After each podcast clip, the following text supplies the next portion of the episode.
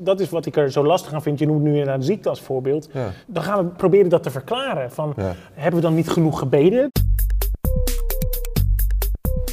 Hoi en welkom bij Denkstof. Elke aflevering bespreken wij een thema dat we belangrijk vinden. En nou ja, gebeden zijn verhoord mensen, want hij zit er gewoon weer. Onze huistheoloog Reinier Zonneveld. Hoe gaat het? Ja, prima joh. Hoe vaak heb je vandaag al gebeden? Een paar keer denk ik. Ja?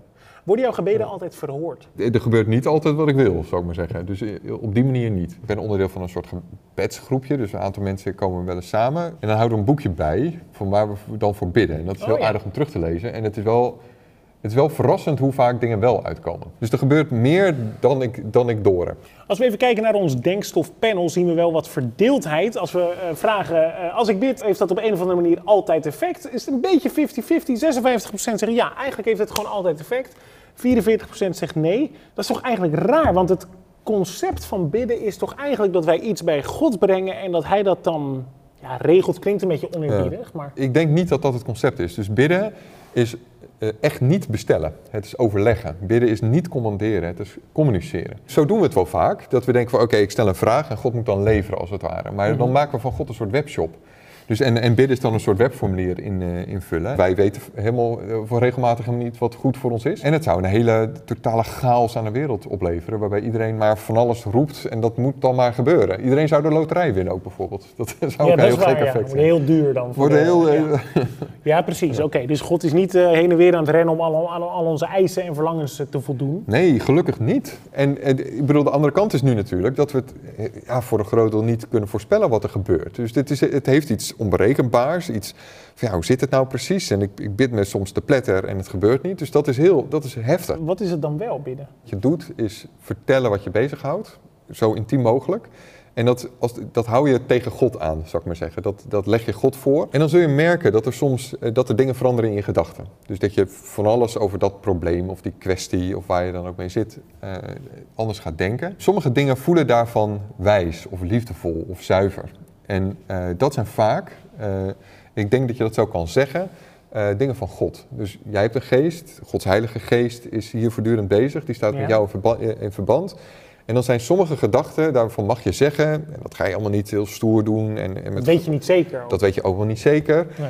Maar ik denk dat je daarvan mag zeggen, ehm, op een voorzichtige manier, dat zijn misschien wel gedachten van God. En, en, en, en daar kom ik verder mee. Dus je bedoelt als er een kwestie speelt, dus bijvoorbeeld ik sta er niet goed voor op school. Ja, bijvoorbeeld. eentje uit mijn eigen leven die altijd terugkwam. Ehm, en dan, dan ging ik daarvoor bidden. Ja, Van eh, ik wil een hoog cijfer of ik bid voor dat ik overga en dat mijn moeder niet boos op me wordt. Maar er was ook altijd een stemmetje in mijn hoofd wel wat eigenlijk al zei... Joram, je bent gewoon een luie, luie jongen. Ga eens bidden. Of nee, ga- ik was alleen maar aan het bidden. Ga eens je huiswerk maken. Ga gewoon eens leren, leren en meer leren.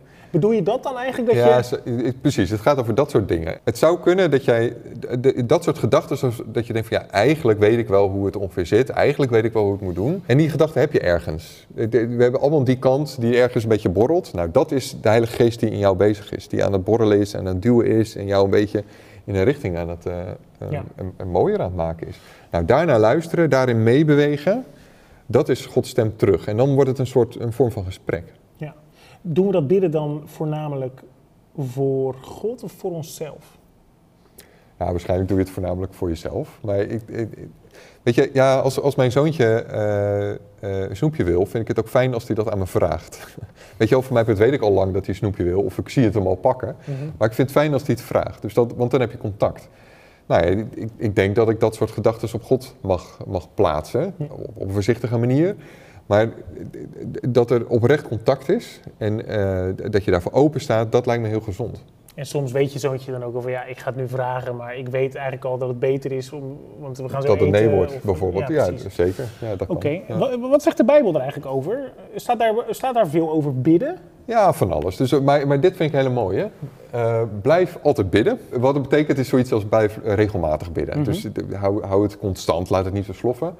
En dank God altijd, wat er ook gebeurt. En dat vind ik heel mooi, want dat is eigenlijk een soort test van hoe open sta je dat het eens een keertje anders gaat dan anders. Hoe vrij laat je God eigenlijk om te reageren zoals hij denkt dat verstandig is eh, op dit leven. Op het moment dat je open voor staat dat het ook wel eens anders zou kunnen gaan dan je wil. Of God dat nou regelt of dat de werkelijkheid enorm tegen zit. Dus in elke situatie is iets uh, om voor te bedanken. Je kunt elke dag kun je God danken, in elke situatie. Maar soms gebeuren er gewoon hele ellendige dingen. Ja, zeker. En dan is dus de les, Ja. de kunst, Ja. Om ook dan te kunnen zeggen... God, ik ben dankbaar voor dit. En dat kan ontzettend eh, eh, moeilijk zijn, dat kan ontzettend cru voelen. Maar er zijn mensen die echt in de diepste put zaten en toch beseften: oké, maar ik heb hier toch nog een aantal dingen die, die, waar ik gewoon heel blij mee ben. Wat gewoon fijn is dat dat nu, dat dat nu lukt, of dat dat nu wel eh, geregeld is, of wat dan ook. Zelfs Jezus in de diepste put zie je nog contact leggen met God, zie je nog dingen beseffen van: ja, maar dit is er wel en dit is goed. En dat is er altijd. We gaan eens even kijken wat eh, de jongeren hier in de studio ervan denken. Heeft jouw gebed altijd effect? Zeker, zeker. In zekere zin wel. Nee, ik denk het niet. Want ik denk dat er boven altijd wel een seintje afgaat, maar niet dat er altijd wat mee wordt gedaan. Van, oh, er heeft weer iemand een melding gedaan. Maar eh, ja, ja, laat deze maar zitten of zo. Ja? Denk je dat God dan, bewust de keuze maakt van daar ga ik niet naar luisteren? Nou, niet naar luisteren klinkt ook zo, eh, ik hoor zo eh, heavy, maar ik denk dat hij soms wel denkt van, eh oh, nee, hoeft niet. Ik denk dat zelfs als je bidt voor iets wat uiteindelijk niet gebeurt, stel je bidt voor iemand die ziek is of je bidt voor iemand die best wel problemen heeft, dan ervaar ik altijd nog wel een soort vrede van ik weet dat God het in zijn hand heeft. Want Gods plannen die zijn veel groter dan mijn plannen. Je kan gewoon je hart luchten tegen iemand die altijd luistert en altijd het beste met je voor heeft. En doet God dan altijd wat je wil? Nee, dat zeker niet. Maar God heeft zijn eigen plan met je. Jij kan om dingen vragen en soms doet hij dat. En soms doet hij ook precies het tegenovergestelde. Heb je dat wel eens meegemaakt? Jawel. Ik eh, bad toen of ik en mijn ex-vriendje bij elkaar mochten komen. En dat is toen niet gebeurd. En nu achteraf zie ik in dat het eigenlijk veel beter was. Dat is precies het plan van God, alleen iets anders dan ik in mijn gedachten had. Dankjewel. Oké, eh, God is geen eh, webshop, zei jij eigenlijk al. En dat zeggen Ja. de jongeren ook. Hè? Ja. Eh, dus, dus bidden gaat niet om ik verlang dit, doe het nu. Ja. Zo werkt het niet. Zowel God is vrij als wij zijn vrij. Dan wordt het een soort samenspel. Dat betekent dat wij dingen hebben in te brengen, dat God dingen heeft in te brengen en dat het ja, daarbinnen eh, eh, uiteindelijk deze werkelijkheid gebeurt. Dat kun je dus voor een groot deel niet voorspellen hoe dat precies zit. En er zijn allerlei redenen waarom als jij specifiek iets vraagt dat niet gebeurt. Er zullen honderden redenen zijn, maar nou ja, laat ik er drie noemen die ik zelf wel belangrijk vind.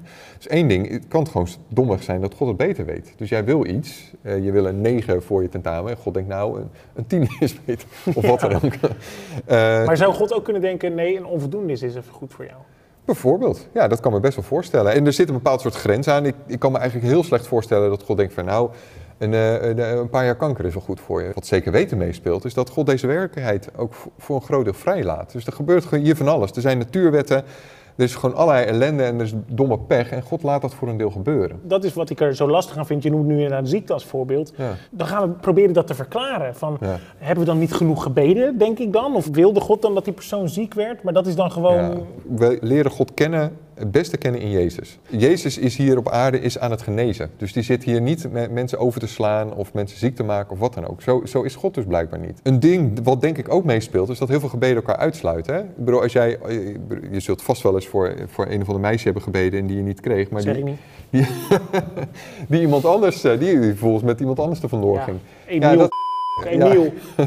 Echt nog steeds doet het pijn, hè? dus er zijn heel veel redenen waarom niet direct, bam, gebeurt wat jij zomaar wil. Ja, oké. Hoe gaan we het doen? Hoe, hoe kunnen we het beste bidden? Ja, op allerlei manieren. Dus, ik, dus het maakt eigenlijk niet zo uit. Het kan een liedje zijn, het kan op de fiets zijn, het kan eh, met je handen in de lucht of met je ogen dicht of open of wat dan ook. Dat maakt denk ik niet zo heel veel uit. Het is handig om het te koppelen aan een eh, vast patroon op je dag, want dat doe je sowieso. Dus dan, dan vergeet je het niet. Dus eten doe je sowieso. Dat is denk ik de reden waarom we vaak bidden bij het eten. Slapen en opstaan doe je meestal wel elke dag. En het grootste ding is dat je eh, God vrijlaat. En dus een, een soort open, luisterende houding daarin hebt. Van oké, ik wil iets, ik, ik leg dingen voor aan God. Eh, maar zoals in die Bijbeltekst ook stond, blijf God danken in alles wat er gebeurt. Oké, dus bidden met dankbaarheid. Openstaan voor Ja. het feit dat God een plan heeft en dat dat dus soms niet precies is wat jij verlangt. En communiceren in plaats van bestellen. Dat, dat vind ik een mooie. Maar Reinier, soms zou het toch lekker zijn dat je gewoon kan bidden van... God, mag ik een appeltaart? Oh, dit werkt. Het Oh, werkt dit wel. het werkt Oh, wel eh, dus gewoon oké, heel erg eh, makkelijk. Eh, God, mag Reinier in een clownspak? Wat is dit? Dit is fantastisch. Oké, eh, eh, mag, eh, God mag, mag Reinier dan in zijn clownspak een appeltaart op zijn hoofd? Nee, nee, nee. Dit is fantastisch. ik vind bidden echt niet leuk meer. Dit Als was Denkstop moet. voor deze keer. Ik Wat is dit? eten. Wat, wat gebeurt hier? Oh. Waarom? Oh. God. Ja, lekkere taart. Oh, oh oké. Dat is misschien toch wel gewetsverhoring dan. Misschien moet ik wel dankbaar zijn wat er ook gebeurt. Want ik heb nu wel een taart. Misschien is dat is het. toch een soort vrome betekenis van die, Totdat je jezelf terugziet, maar tot die tijd. Heerlijk. Maar ik, ik, ik, heb een, ik Zo heb een, ik heb een clownspak aan, maar ik heb wel een... Jawel, een taart.